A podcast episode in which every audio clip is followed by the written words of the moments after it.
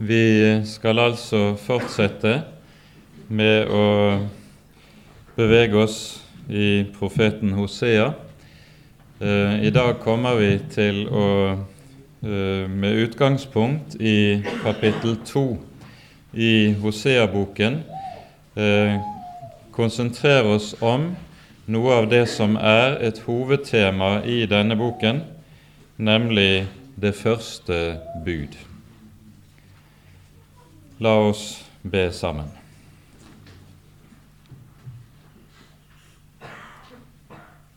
Hellige Gud, himmelske Far. Takk at du nettopp med en faders kjærlighet ville ta oss til dine barn.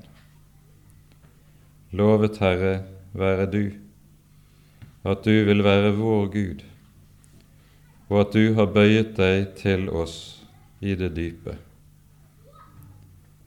Nå ber vi deg, gode Gud og hellige Far, at du vil åpenbare dine ord for oss, at vi også må få kjenne deg, kjenne ditt hellige navn, kjenne din frelse. Og så ber vi deg, Herre, at du vil bevare oss fra avveiene. Bevare oss, Herre, fra våre egne hjerter, og holde oss fast hos deg og i dine ord. Det ber vi for Jesus skyld. Amen.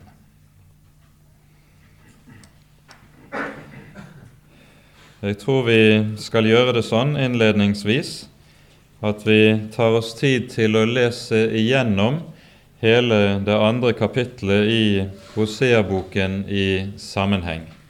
Forhåpentlig har de fleste bibler tilgjengelige, enten med seg eller at de kan se sammen med noen, så det kan være litt lettere å følge teksten. I Jesu navn. Gå i rette med deres mor. Gå i rette med henne, for hun er ikke min hustru, og jeg er ikke hennes mann. Få henne til å ta sine horeminer bort fra sitt ansikt og sine utuktige fakter fra sine bryster, for at jeg ikke skal kle henne naken og stille henne frem som hun var den dag hun ble født, og gjøre henne lik en ørken, et tørt land, og la henne dø av tørst. Og hennes barn vil jeg ikke miskunne meg over, for de er horebarn. For deres mor har drevet hor, hun som fødte dem, har båret seg skammelig ad. Hun sa, Jeg vil gå etter mine elskere, de som gir meg mitt brød og mitt vann, min ull og mitt lin, min olje og min vin. Se, derfor stenger jeg din vei med torner. Jeg reiser en mur foran henne så hun ikke finner sine stier. Når hun løper etter sine elskere, skal hun ikke nå dem. Når hun søker dem, skal hun ikke finne dem. Da skal hun si, Jeg vil vende tilbake til min første mann for den gang hadde jeg det bedre enn nå. Hun skjønte ikke at det var jeg som ga henne kornet og mosten og oljen, og som ga henne sølv og gull i mengdevis, som de brukte til Baal. Derfor vil jeg ta mitt korn tilbake når dets tid kommer, og min most når tiden er inne. Og jeg vil ta bort mitt, min ull og mitt lin, som tjener til å skjule hennes blussel. Ja, nå vil jeg avdekke hennes visne kropp for hennes elskeres øyne, og ingen skal rive henne ut av min hånd. Jeg vil gjøre ende på all hennes glede, hennes fester, hennes nymåner, hennes sabbater og alle hennes høytider, og jeg vil ødelegge hennes vintre og hennes fikentre, hvorom hun har sagt:" De er min horelønn, som mine elskere har gitt meg. Og jeg vil gjøre dem til skog, og markens dyr skal ete dem. Og jeg vil hjemsøke henne for de dager da hun brente røkelse for baalene, og prydet seg med nesering og halssmykke og gikk etter sine elskere, men glemte meg, sier Herren. Se, derfor vil jeg lokke henne og føre henne ut i ørkenen og tale vennlig til henne. Så snart hun kommer derfra, vil jeg gi henne hennes vingårder igjen og gjøre Akors dal til en håpets dør for henne, og hun skal takke der, som i sin ungdoms dager, som den dag da hun dro opp av Egyptens land. Og det skal skje på den dag, sier Herren, at du skal rope, Min mann, og du skal ikke mer rope til meg, Min Baal og jeg vil ta Baalenes navn bort fra hennes munn, og de skal ikke mer nevnes ved navn. Og jeg vil den dag gjøre en pakt for dem med markens dyr og himmelens fugler og jordens kryp. Bue og sverd og krig vil jeg sønderbryte og utrydde av landet, og jeg vil la dem bo i trygghet. Og jeg vil trolove meg med deg for evig tid jeg vil trolove meg med deg i rettferdighet og rett, i miskunnhet og barmhjertighet. Og jeg vil trolove meg med deg i trofasthet, og du skal kjenne Herren. Og det skal skje på den dag at jeg vil bønnhøre, sier Herren. Jeg vil bønnhøre himmelen, og den skal bønnhøre jorden og jorden skal bønnhøre kornet og mosten og oljen, og de skal bønnhøre Israel.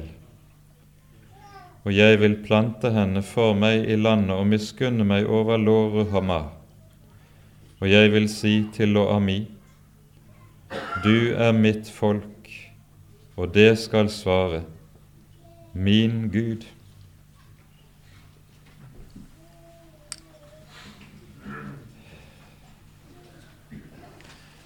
Når vi leser Det gamle testamentet, og ikke minst disse profetene som virket i Nordriket, Hosea og Amos, så er det en sak som springer oss i øynene meget tydelig.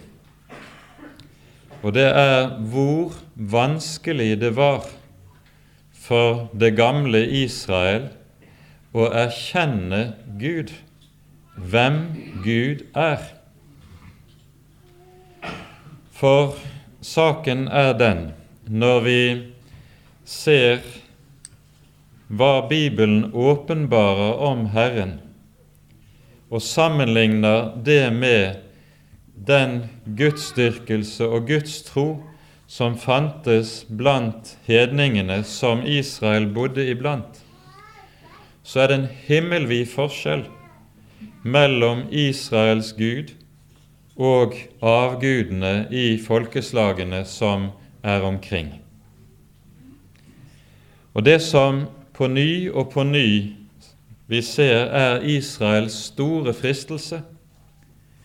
Det er ikke bare å gi seg hen til avgudene ut i den direkte avguds dyrkelse, men det er også det å tenke om Herren som, eller på samme måte som om avgudene, slik at en likesom plasserer Herren Israels Gud i samme kategori som avgudene sto i.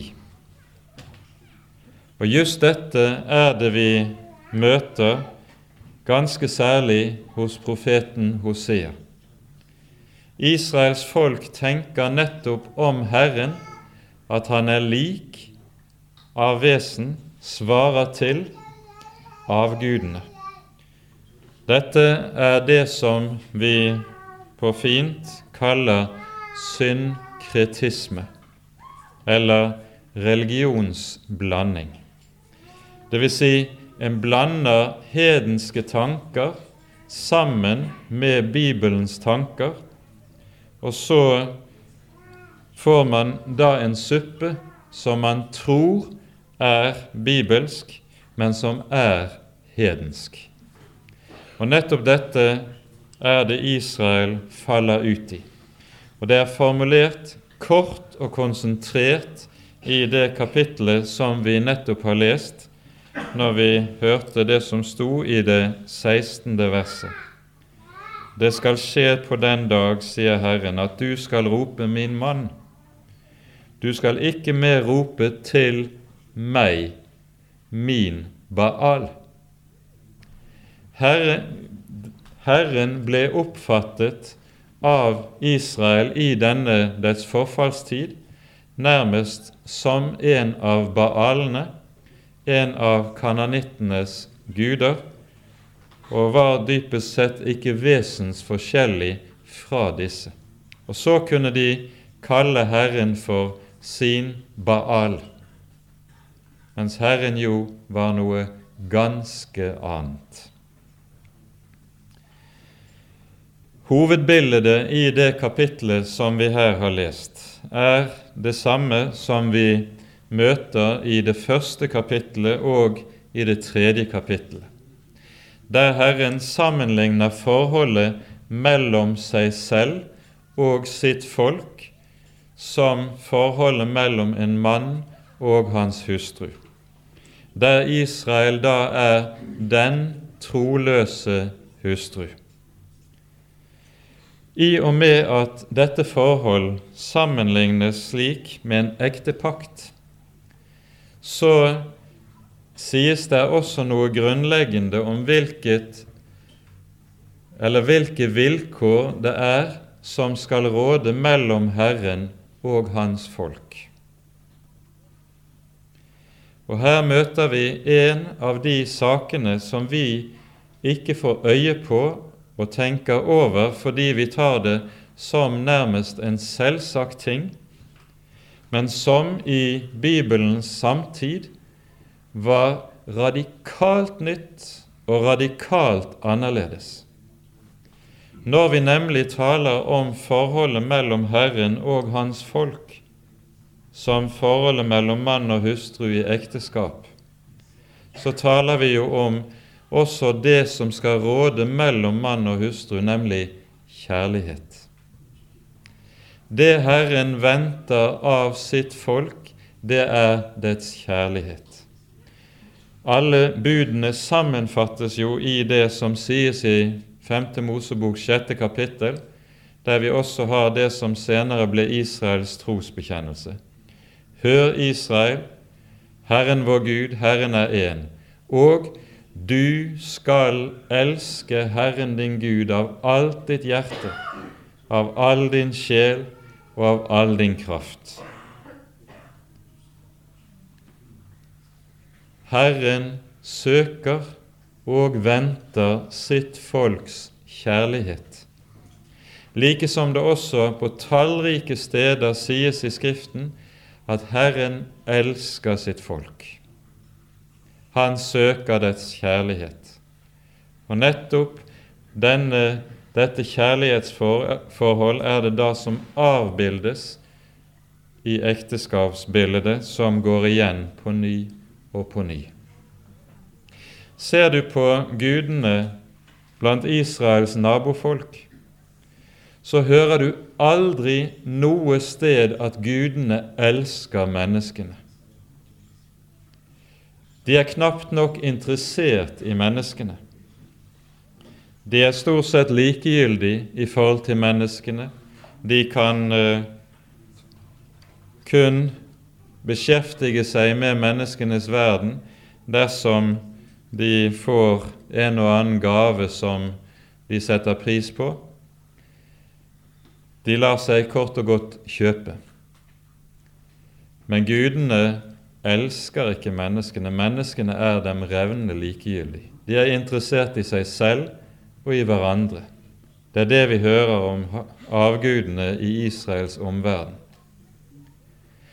At det så sies om Herren Israels Gud at han elsker sitt folk, det er noe som er absolutt enestående i den antikke oldtid, i den antikke Midtøsten. Du hører ingenting lignende. Og likeledes det motsatte, at gudene likesom skulle forvente menneskenes kjærlighet, det er også i hedenskapet fullstendig utenkelig. Det gudene var interessert i, var en og annen tributt som han, som han betalte ved hjelp av en offergave i ny og ne. Betalte man så sin tributt, så var det for så vidt revnende likegyldig hva man ellers tenkte, og hvorledes man levde. Men Herren, han er ikke slik. Han er ektemannen som med stor kjærlighet søker sin hustrus, sitt folks kjærlighet.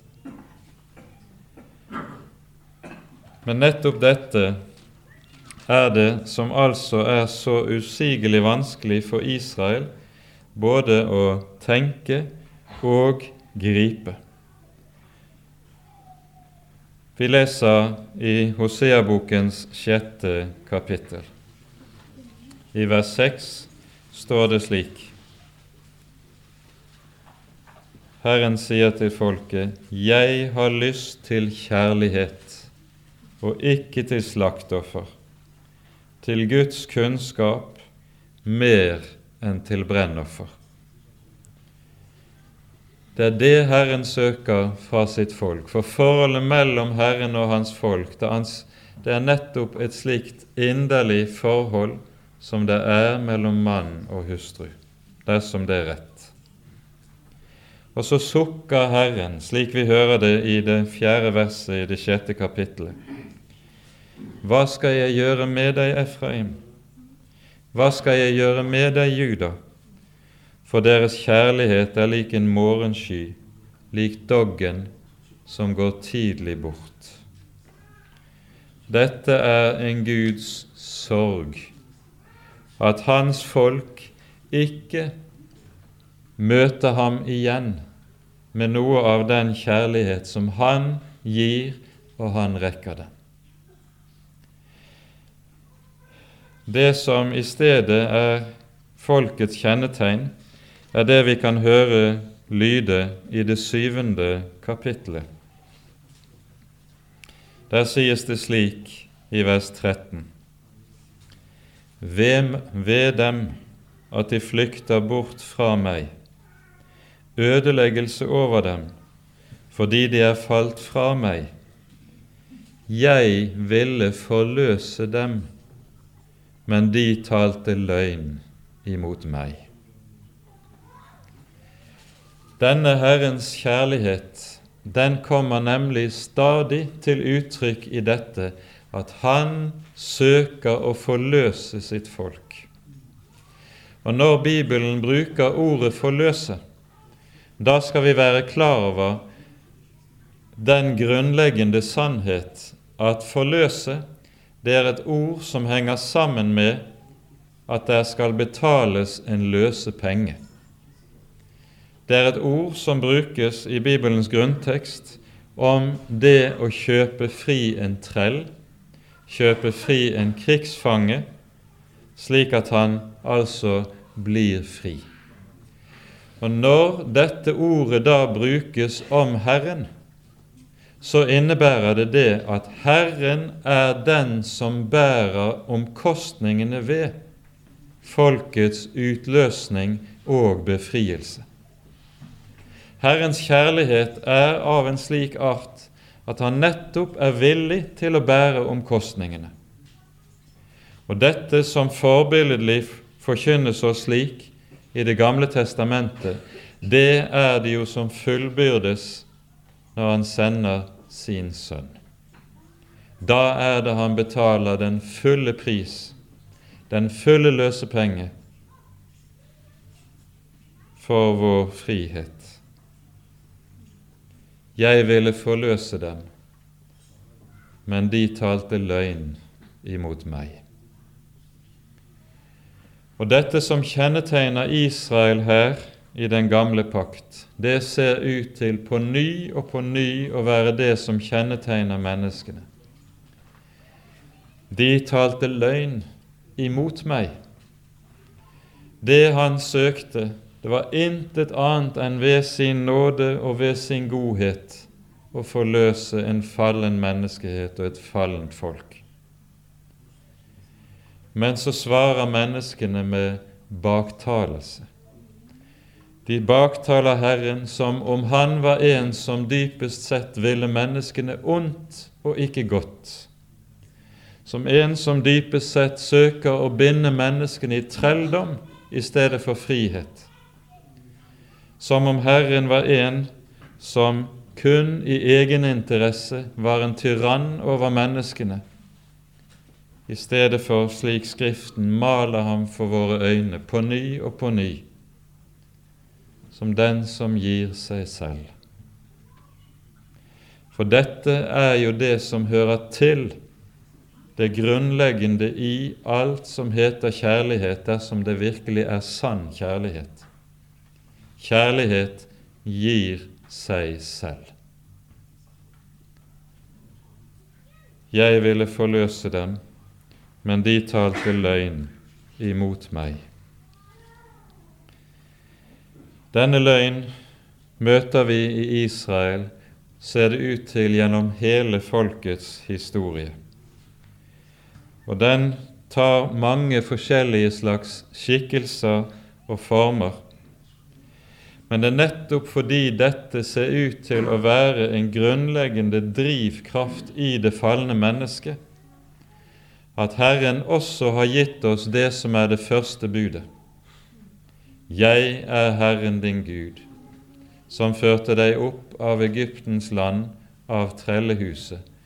Du skal ikke ha andre guder enn meg. Og legg da nøye merke til hvordan første bud innledes. Det er ikke tilfeldig at Gud begynner det at han gir de ti bud, med å minne om sin gjerning til frelse og forløsning. Jeg er Herren din Gud, som førte deg ut av Egyptens land, av trellehuset. Med det sier Herren hvem Han er. For Herren kjenner vi når vi kjenner Hans gjerninger. Det er denne Gud som har forløst, som også søker oss og sier du skal ikke ha noen annen Gud foruten meg. Du skal ikke gjøre deg noe bilde, verken av det som er i himmelen eller på jorden. For jeg er den jeg er, og så vil Han være Herren vår Gud. Nøden til folket er da det at de ikke lar Gud være den Han er, men stadig på ulike måter søker å tilpasse ham etter egne tanker, egne meninger, egne drifter og egne behov. Gud skal være slik vi ønsker han skal være at han får være den han er. Det hører til unntagelsene. Men dersom Herren ikke får være den han er, så får han heller ikke være vår Gud i sannhet. Det er Bibelens helt entydige budskap. Når Skriften taler slik, og sier 'Du skal ikke ha andre guder foruten meg', så er det jo av to grunner. For det første fordi Han er forløsningens herre og Gud. Jeg har kjøpt deg fri, jeg vil også være din Gud. Men det er også fordi det er ikke, der finnes ingen annen Gud Alt annet som gir seg ut for å være Gud, det er ikke eksisterende. Og dette har vi et underlig ekko av i Det gamle testamentet, i det, det som er Det gamle testamentets ord for avguder. Det er et ord som bokstavelig betyr intetheter. Det er noe som ikke eksisterer i det hele tatt. Dette møter vi igjen hos profeten Hosea i det åttende Unnskyld, i det tiende kapittelet, i det femte verset. Dere, de fleste av dere som var her for to kvelder siden, husker at vi var inne på avgudsdyrkelsen i Nordriket som hadde sitt sentrum i Betel. Denne byen Betel kalles flere steder i, hos profetene for det vi hører her i vers 5, kapittel 10, vers 5. For Beit-Avens kalv er Samarias innbyggere i angst. Betel kalles Beit-Aven, og det betyr bokstavelig tomhetens hus. Betel var det sted der Herren hadde åpenbart seg for patriarken Jakob. Dere husker han drømte da han ga seg på flukt fordi han fryktet for sitt liv, at Esau skulle ta han av dage. Så drømte han om stigen som sto oppreist på jorden. Herrens engler steg opp og steg ned. Og så, når han våknet, så sa han, Her er sannelig Guds hus, her er himmelens port og Guds hus på hebraisk er Beit El. Men nå, ved den falske gudsdyrkelse, er Bet El blitt til Bet Aven, tomhetens hus. For der avgudene kommer inn, der er det kun tomhet og intethet. Og Dette er en måte å tale om avgudene på som vi møter en rekke steder i Den hellige Skrift. Vi minner her om et hovedord i Salme 115.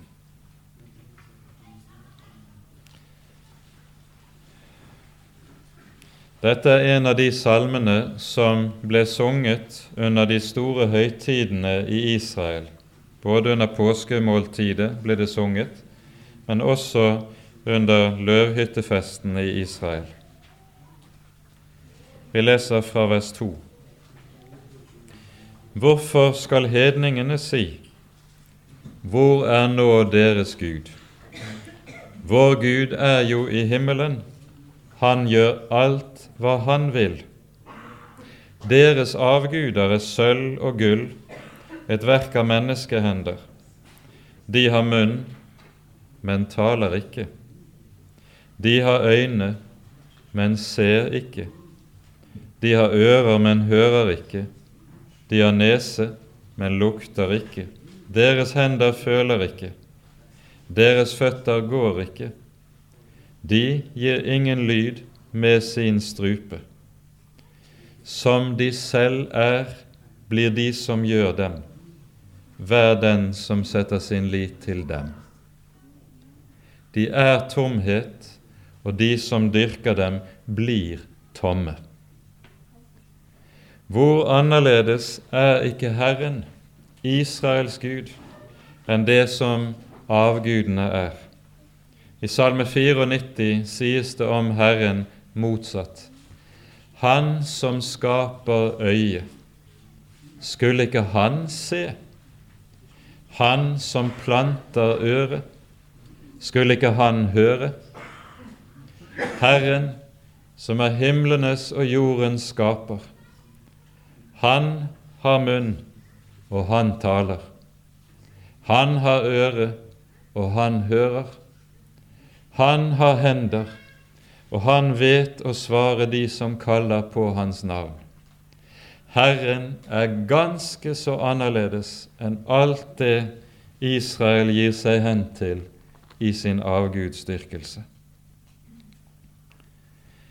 Men når dette er slik, så kunne man jo spørre hva er så grunnen til at avgudsdyrkelsen var så fristende for Israel gjennom det aller meste av den gammeltestamentlige tiden. Hva er årsaken til at avgudsdyrkelsen virket så besnærende at det ser ut til at det var så godt som umulig for Israel å holde seg fri for å holde seg ren av den. Det er flere grunner til dette. Vi skal peke på et par av dem. Den første grunnen er meget nærliggende, og den ligger i Bals- og Astarte-dyrkelsen selv, slik Israel møtte den da de kom inn i det lovede land. Bal og Astarte var det vi kaller for fruktbarhetsguder, det vil si guder for markens grøde, det vil si det var de som skulle sørge, sørge for at det kom regn for jorden. Hvis Bal var vred, så kom der ikke regn.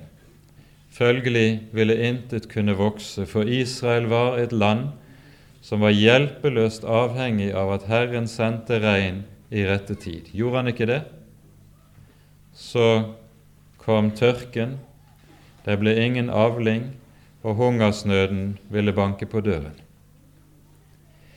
Ballene, det var kananittenes guder for fruktbarhet, og dermed også for velstand. Og de var kananittenes guder for også fruktbarhet i det menneskelige liv. Bal og Astarte representerte det avlende og det unnfangende prinsipp i naturen. De var naturguddommer. Og det var slik at dyrkelsen av Baal og Astarte, den var ikke bare meget menneskelig, forståelig, men den var også meget sanselig. Fordi det var fruktbarhetsguder, så inngikk seksuelle orgier i dyrkelsen av disse gudene.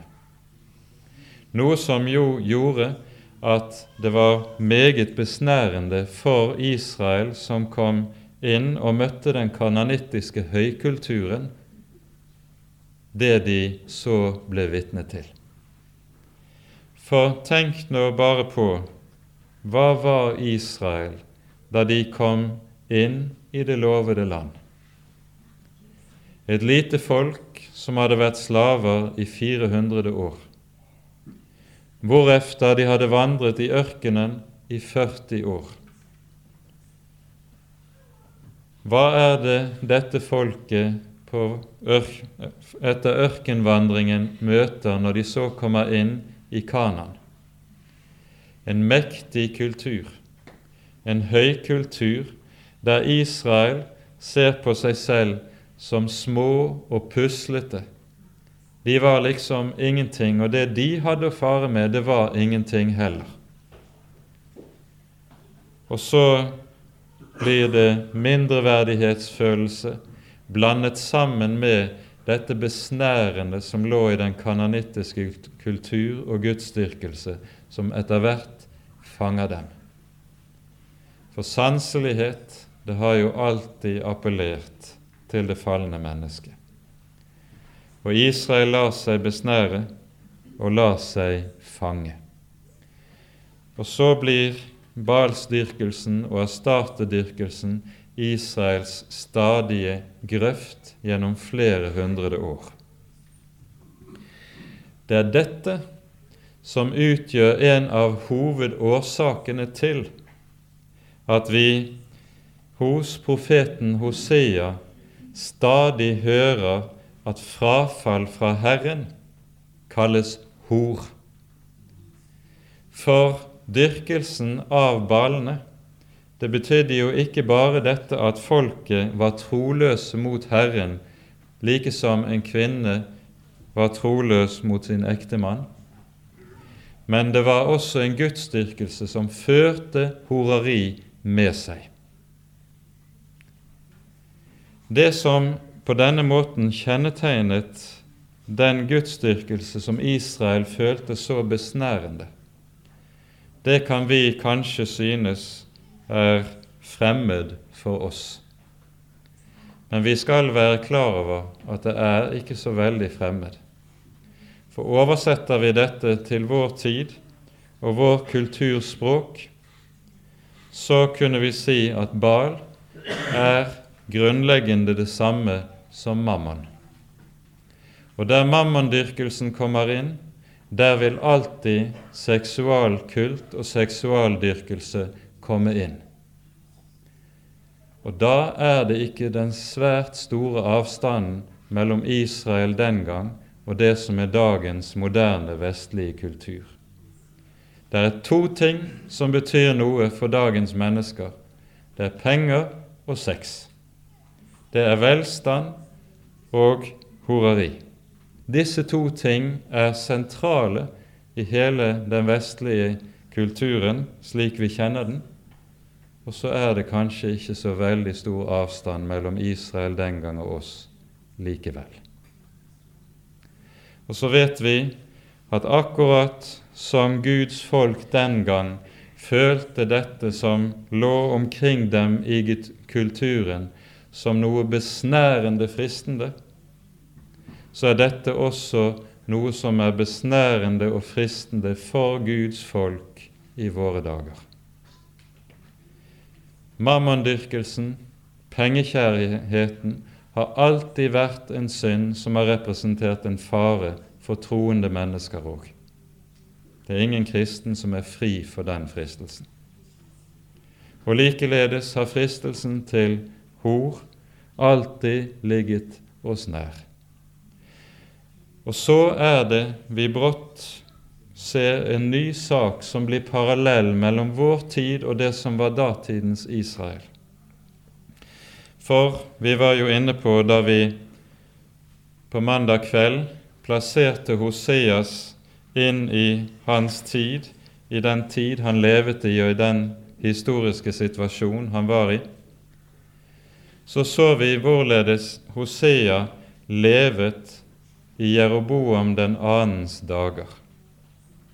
Jeroboams bestefar var Jehu, og Jehu var den konge som hadde gjort ende på den ytre Baalsdyrkelse i Israel.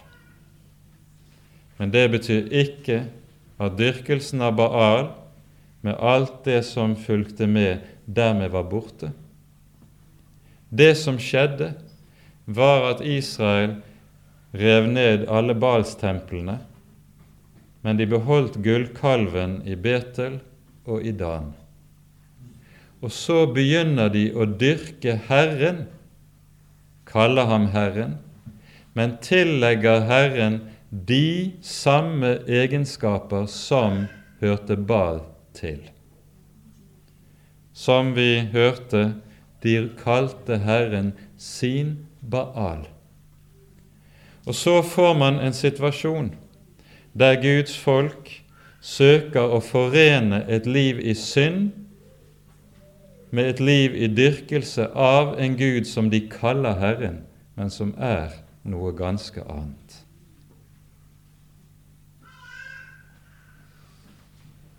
Og på ny er vi borte i noe som er ganske parallelt til meget av det vi ser også i dagens kristenhet, der man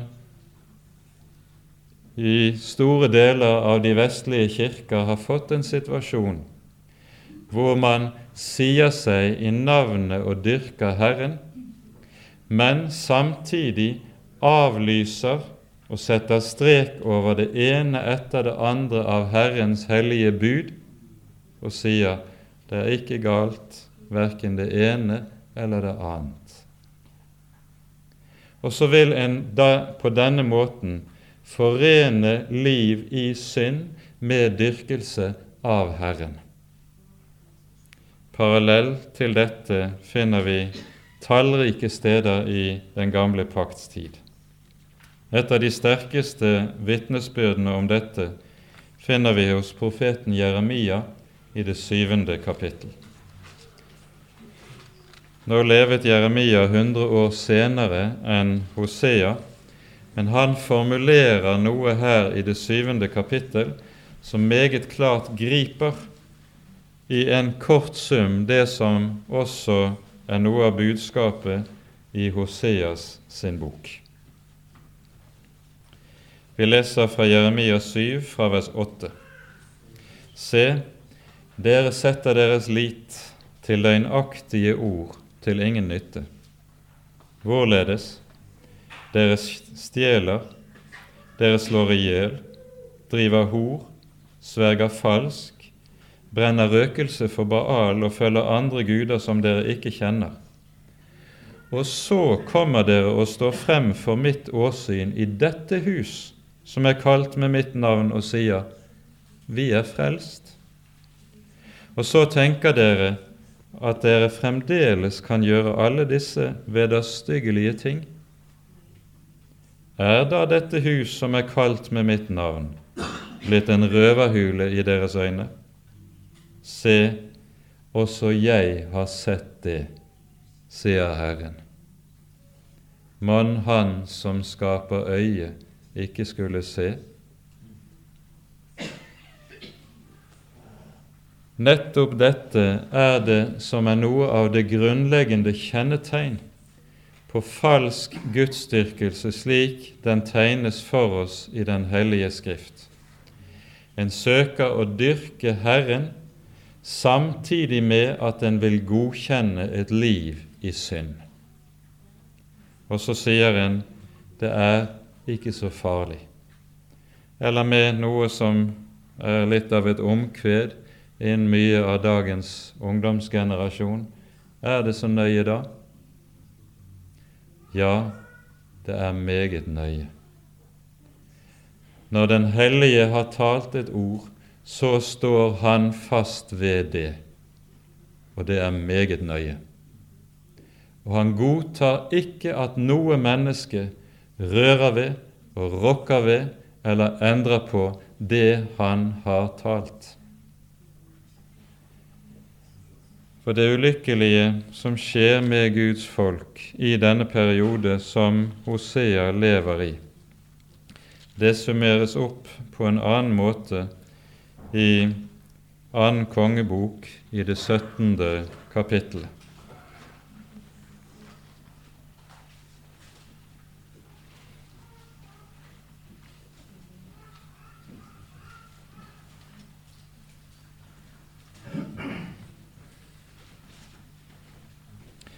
Her hører vi i 2. kongebok 17 hvorledes Nordriket går under ved det asyriske verdensriket en 15-20 eh, år etter Hoseas har fullført sin profetiske gjerning. Og så sammenfattes i noen få vers årsaken til at det gikk som det gjorde. Vi leser fra vers 7 til vers 9. Således gikk det fordi Israels barn syndet mot Herren sin Gud, som hadde ført dem opp av Egyptens land og utfridd dem av den egyptiske konge faraos hånd og fryktet andre guder.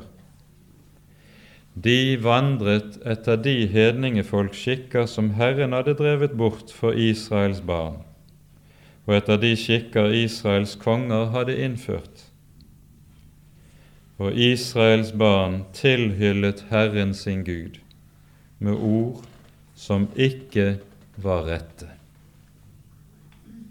Og Her legger vi særlig merke til den siste setningen, for den er grunnleggende viktig.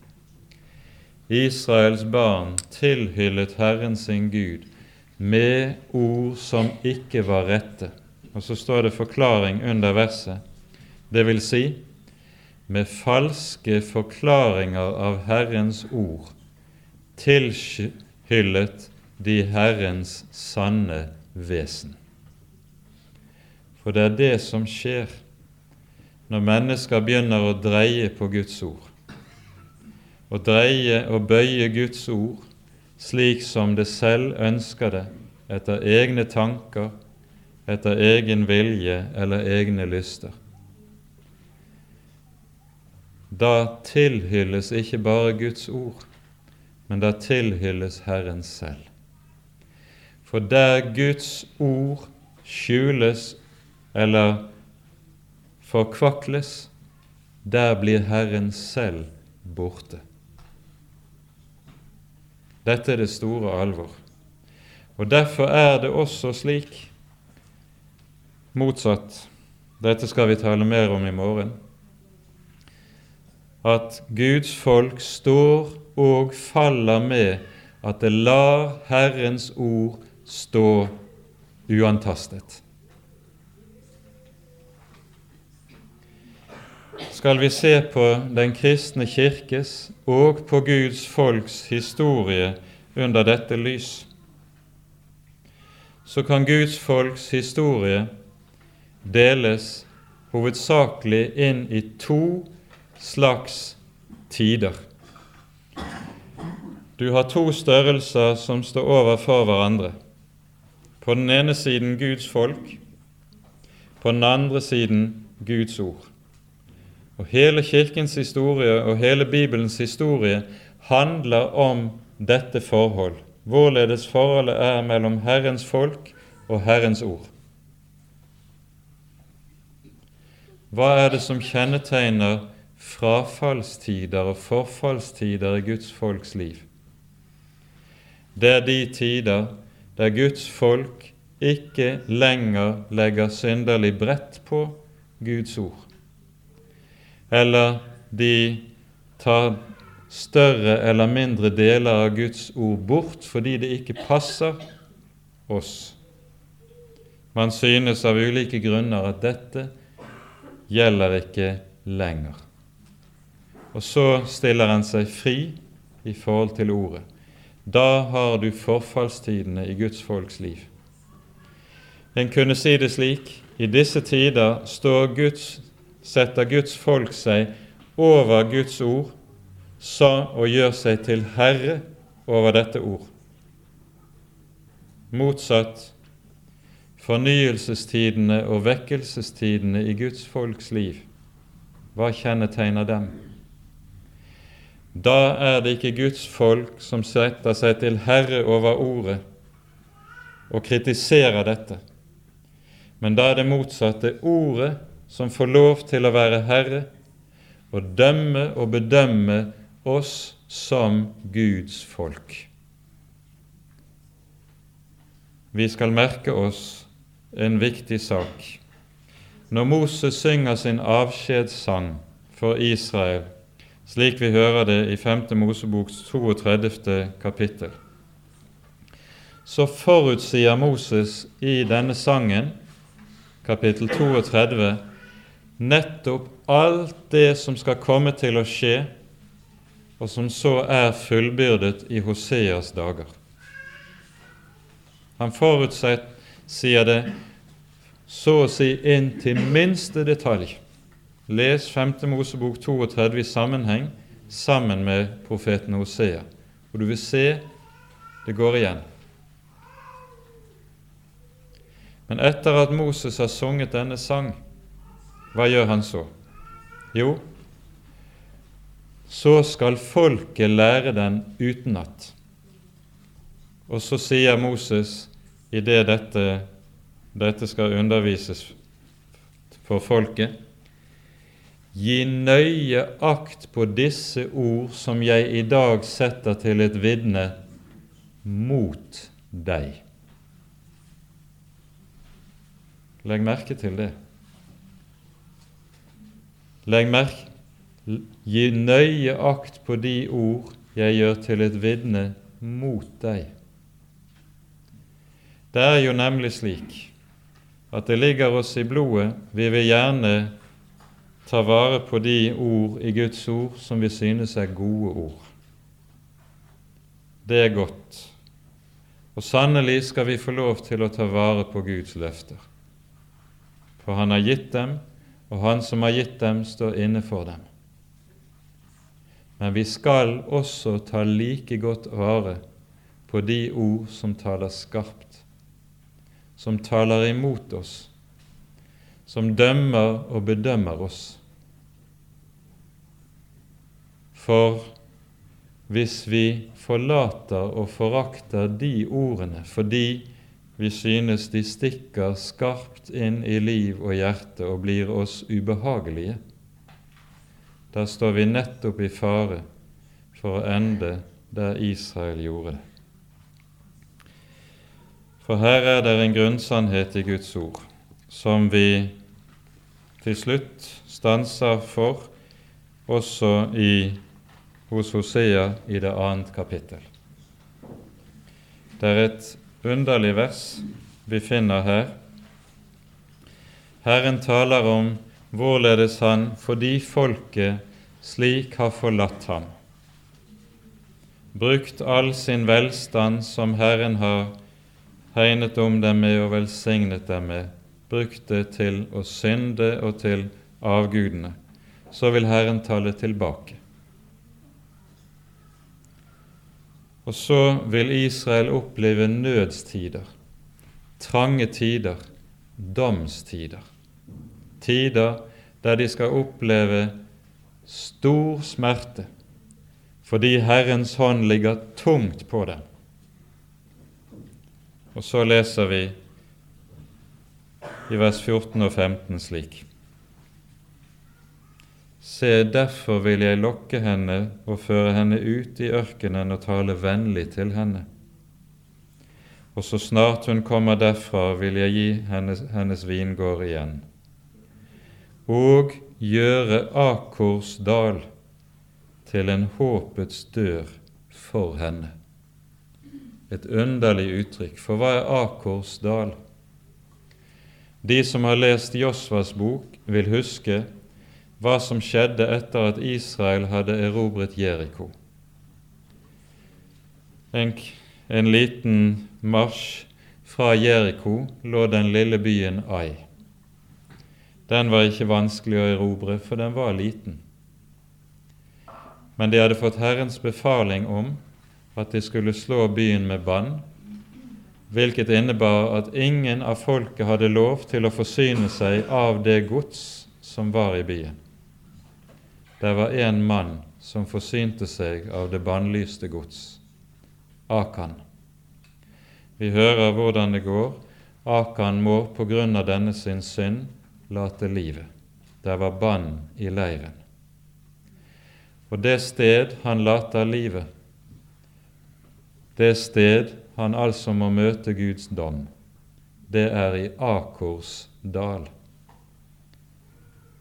Og så sier Herren her hos Osea, jeg vil gjøre Akors dal til en håpets dør for dere. Herren vil altså sørge for at den dom som han lar ramme folket, den nøds, trengsels tid som han nå fører dem inn i, den skal bli håpets dør. Den skal Herren selv snu til velsignelse og til frelse for folket. Og så sies det i den 94. salmen slik For dommen skal vende tilbake til rettferdighet. Det at Herren lar sine dommer få fullbyrdes inn i sitt folks liv og inn i den enkeltes liv. Det fører nettopp til velsignelse. Jeg vil gjøre Akors dal til en håp, til håpets dør for henne. Og så, der dommen får lov til å gjøre sin gjerning, blir det på baksiden av dem ved utgangen av den lys, frelse og velsignelse, slik at Hosea kan avslutte kapittelet sånn som han gjør. Det skal skje på den dag. Da vil jeg bønnhøre, sier Herren. Jeg vil plante henne for meg i landet og miskunne meg over Lorohamma. Henne det ble sagt til, ingen miskunnhet Ingen barmhjertighet skal du få. Nå skal du få bare barmhjertighet. Henne som fikk høre 'Du er ikke mitt folk', henne skal nå, hun skal nå få høre 'Du er mitt folk, du er min elskede'. For Han som er Herre, Om han enn døder, så gjør han levende. Om han enn tukter, så gjør han det til vårt gagn. Om han enn straffer synd, så gjør han det for å frelse fra synd. Dette er Guds gjerning fordi Han er den Han er. For ved siden av at Gud er nådens Gud, kjærlighetens Gud, så er Han også hellighetens Gud. Det var det Israel glemte. Amen. Ære være Faderen og Sønnen og Den hellige ånd, som var og er og være skal, en sann Gud, høylovet i evighet. Amen.